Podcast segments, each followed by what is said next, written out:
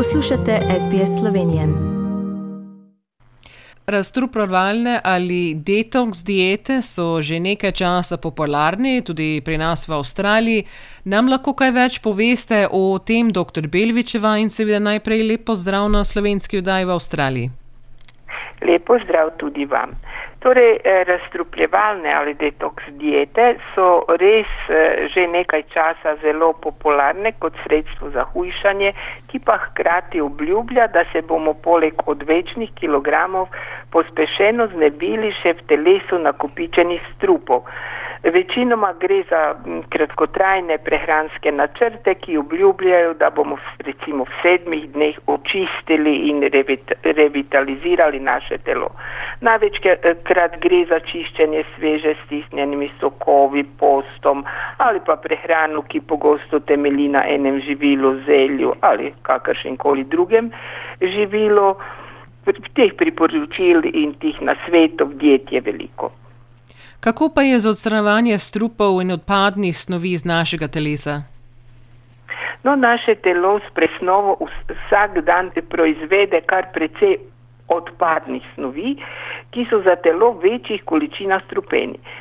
Mednje spadajo naprimer amonijak, ki nastaja pri presnovi beljakovin in je v večjih količinah škodljiv, zato ga jedra in ledvice pretvorijo v sečnino in pripravijo za izločanje v obliki urina.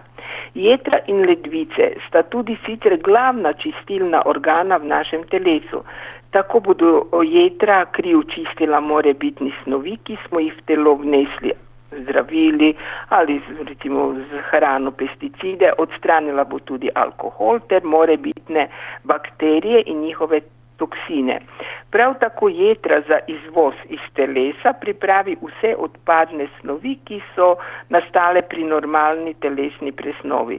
Večji del teh tako imenovanih odpadnih snovi na to iz telesa izločimo z urinom, del pa se izloči žolčen in posledično z blatom. Zaradi učinkovitega delovanja naših razstrupljevalnih organov se v našem telesu kupiči izredno majhna količina strupov. Kje pa se kopičijo strupi, ki jih eh, ledvice in jedra ne uspeta ustraniti?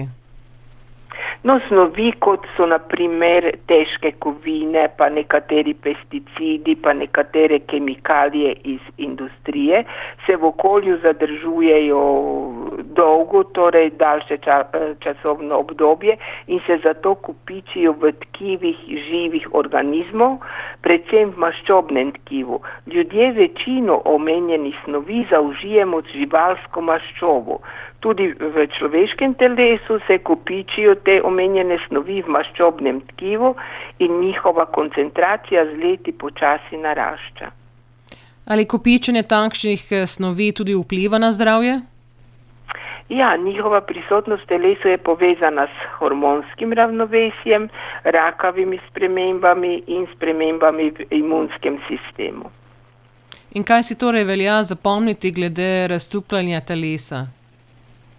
Torej, ledvice in jedra skrbijo za odstranjevanje razpadnih in strupenih snovi iz telesa. In čeprav se sliši dobro, da lahko samo v nekaj dneh ali tednih iz telesa odstranimo vse, kar smo z leti nezdravega življenja sloga vnesli v telo, naše telo žal ne deluje na ta način. Samo dolgoročna sprememba prehrane, torej zdrava prehrana, dovolj vode in gibanja, nas lahko zares razstrupijo in izboljšajo naše zdravje.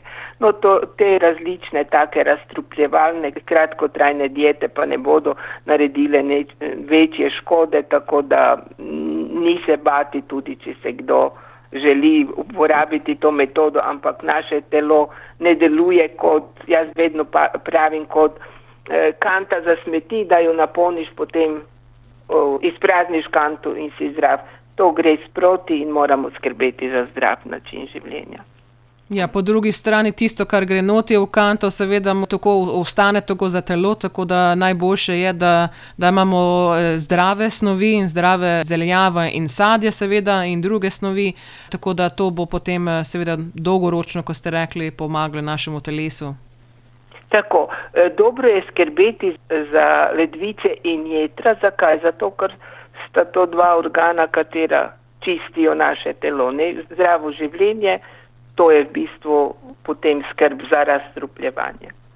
In kakšen recept ste nam eh, danes pripravili, najbrž eh, pa seveda ni ta detoks dieta? Ne, gre za tako preprosto, mislim, gre za jed, ki, s katero vnesemo hranilne in zaščitne snovi, za preprosto so, solato z melono in kumari.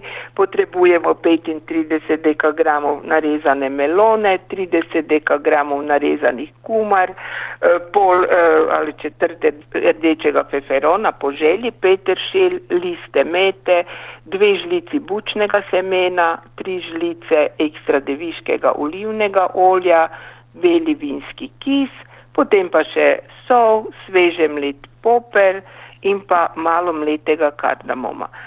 Priprava je zelo enostavna, skledo damo melono, narezane kumare, fino se sekljam feferon in peteršil, pomešamo olje, kis, poper, kardamom in sol, prelijemo po solati, premešamo, potresemo z grobo sesekljanim bučnim semenom in okrasimo z listi mete. Torej, taka enostavna, osvežilna solata.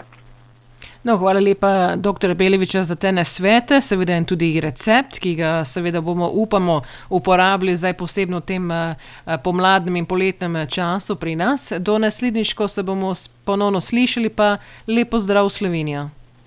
Tudi vam lep pozdrav iz Slovenije. Želite slišati sorodne zgodbe? Prisluhnite jim preko Apple ali Google podcasta, preko aplikacije Spotify ali kjerkoli drugje.